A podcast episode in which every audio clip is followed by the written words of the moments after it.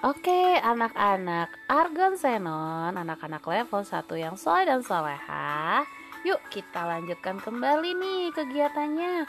Alhamdulillah tadi kalian sudah bermurojaah uh, Surat Al-Humazah ayat 1 sampai 4 Nah sekarang ya bersama dengan Pak Ubaidillah Bersama dengan Pak Ubed Kalian akan mendengarkan penjelasan tentang materi apa? Tuh materi sholat. Masya Allah. Ya penting sekali untuk kita sholat ya nak ya. Karena itu adalah salah satu ibadah yang wajib kita lakukan Sehari lima kali.